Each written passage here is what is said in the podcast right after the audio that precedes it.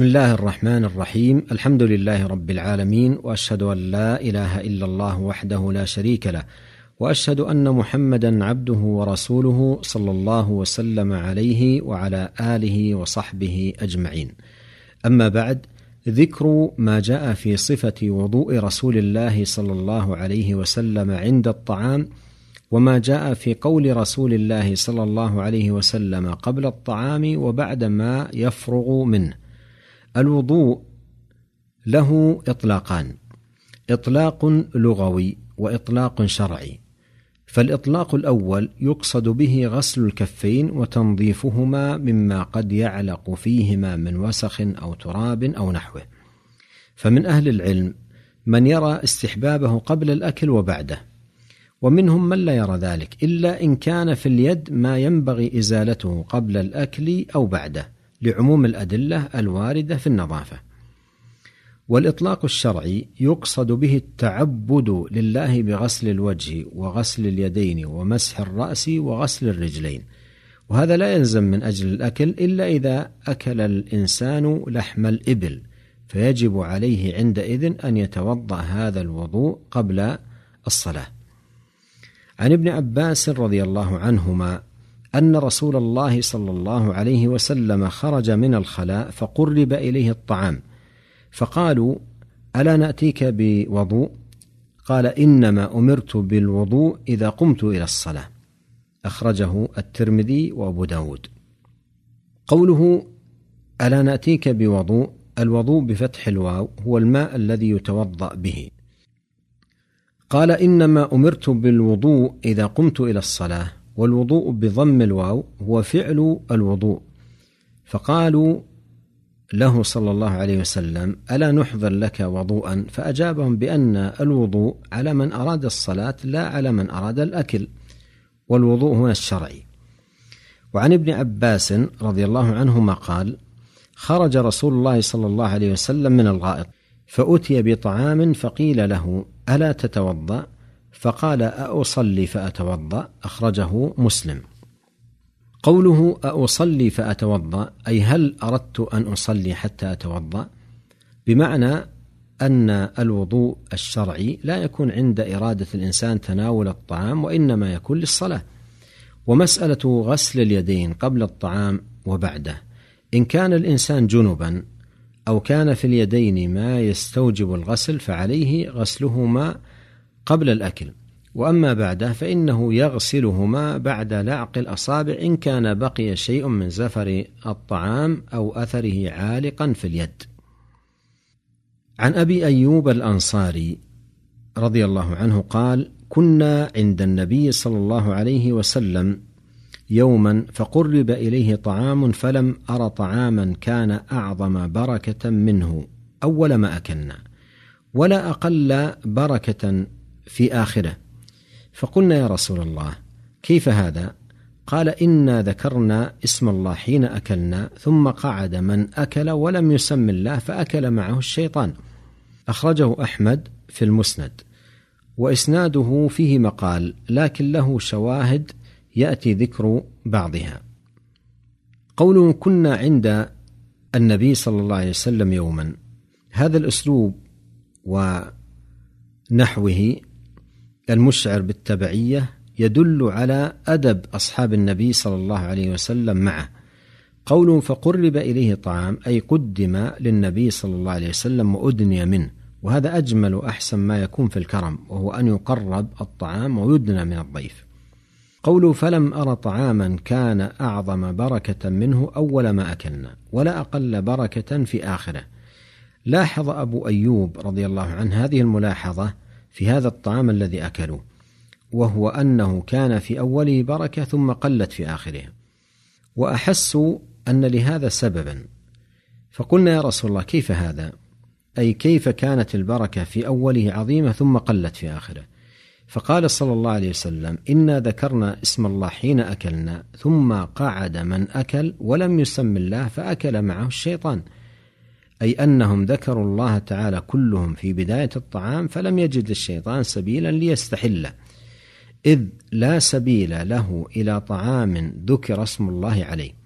ثم لما جلس معهم من لم يذكر اسم الله فتح المجال للشيطان ليأكل معه فاستحل الطعام. قال فأكل معه الشيطان ولم يقل معهم لأنهم ذكروا اسم الله. ولهذا جاء في حديث جابر رضي الله عنه عند مسلم وغيره أن النبي صلى الله عليه وسلم قال إذا دخل الرجل بيته فذكر الله عند دخوله وعند طعامه قال الشيطان لا مبيت لكم ولا عشاء. وإذا دخل فلم يذكر الله عند دخوله قال الشيطان أدركتم المبيت. فإذا لم يذكر الله عند طعامه قال أدركتم المبيت والعشاء. وهذا مما يؤكد أن يحرص المسلم على ذكر اسم الله تبارك وتعالى على طعامه وعلى شرابه وعند دخوله لبيته حتى لا يشاركه الشيطان في شيء من ذلك. وقد يأتي الشيطان بشخص يلهيه ليضع يده في الطعام دون ذكر اسم الله لتحصل له عن طريقه المشاركة. فقد ثبت في صحيح مسلم عن حذيفة رضي الله عنه أنه قال: كنا إذا حضرنا مع النبي صلى الله عليه وسلم طعاما لم نضع أيدينا حتى يبدأ رسول الله صلى الله عليه وسلم فيضع يده. وإنا حضرنا معه مرة طعاما فجاءت جارية كأنها تدفع فذهبت لتضع يدها في الطعام فأخذ رسول الله صلى الله عليه وسلم بيدها ثم جاء أعرابي كأنما يدفع فأخذ بيده فقال رسول الله صلى الله عليه وسلم إن الشيطان يستحل الطعام ألا يذكر اسم الله عليه وإنه جاء بهذه الجارية ليستحل بها فأخذت بيدها فجاء بهذا الأعرابي ليستحل به فأخذت بيده والذي نفسي بيده إن يده في يدي مع يدها. ولهذا يجب على الإنسان أن يبين لأولاده عداوة الشيطان لبني آدم ليتخذوه عدوا فلا يشاركهم في بيوتهم ولا في طعامهم ولا في شرابهم وعدم التسمية على الطعام والشراب من أسباب محق البركة ومن أسباب مشاركة الشيطان للإنسان في طعامه وشرابه. وعن عائشة رضي الله عنها قالت قال رسول الله صلى الله عليه وسلم إذا أكل أحدكم فنسي أن يذكر الله تعالى على طعامه فليقل بسم الله أوله وآخره. من أكل فحصل له في أول الطعام غفلة ونسيان فلم يسم ثم تذكر في أثناء طعامه نسيانه التسمية في أوله فعليه في هذه الحال أن يقول بسم الله أوله وآخره.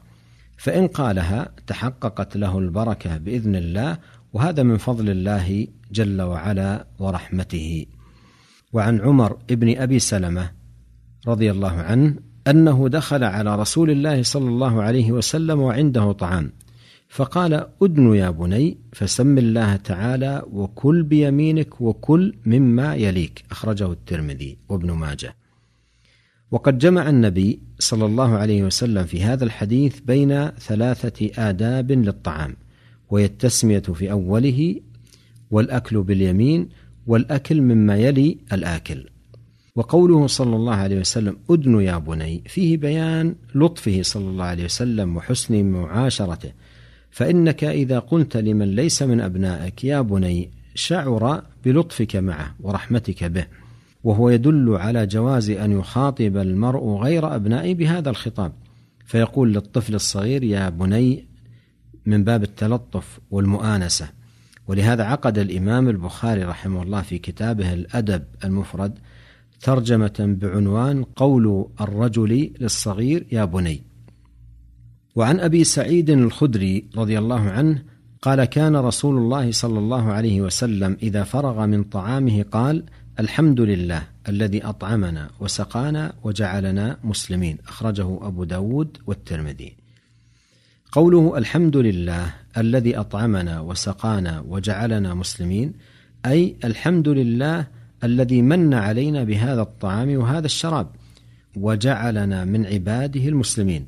فهذه نعمة عظيمة أن يكون العبد مسلما من أهل هذا الدين العظيم وعنده طعام يغذيه وشراب يرويه.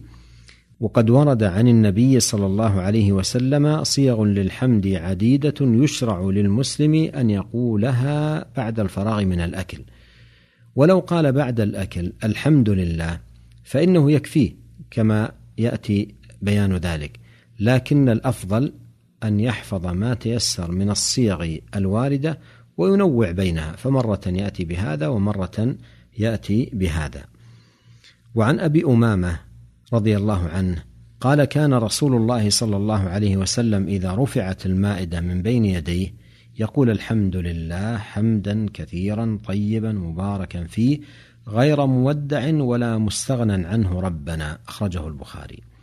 قوله إذا رفعت المائدة من بين يديه أي إذا فرغ من الطعام وبدأوا برفع المائدة من بين يديه يحمد الله عز وجل ويستفاد منه أن المائدة ترفع عند الفراغ منها ولا تترك. قوله الحمد لله حمدا كثيرا طيبا أي الحمد لله حمدا موصوفا بالكثرة والطيب. والطيب هنا يشعر بنزاهة هذا الحمد ونقائه فهو حمد منزه عن الرياء والسمعة فلا يراد به إلا الله سبحانه والتقرب إليه. قوله مباركا فيه البركة تعني ثبات الخير الموجود وزيادته ونماءه. وقوله غير مودع ولا مستغنى عنه ربنا أي غير مودع هذا الحمد ولا مستغنى عنه. وعن أنس بن مالك رضي الله عنه قال قال رسول الله صلى الله عليه وسلم إن الله ليرضى عن العبد أن يأكل الأكلة أو يشرب الشربة فيحمده عليها. أخرجه مسلم. الأكلة المرة الواحدة من الأكل كالغداء أو العشاء. وفيه استحباب حمد الله تعالى عقب الأكل والشرب وأن ثواب ذلك هو الفوز بمرضاة الله. وقد جاء في صفة التحميد بعد الطعام والشراب صيغ متنوعة تقدم بعضها. ولو اقتصر على الحمد لله حصل أصل السنة. هذا ونسأل الله عز وجل أن يوفقنا أجمعين لكل خير وأن يصلح لنا شأننا كله وألا يكلنا إلى أنفسنا طرفة عين. إنه تبارك وتعالى سميع الدعاء وهو أهل الرجاء وهو حسبنا ونعم الوكيل. وصلى الله وسلم على عبده ورسوله نبينا محمد وآله وصحبه أجمعين والسلام عليكم ورحمة الله وبركاته.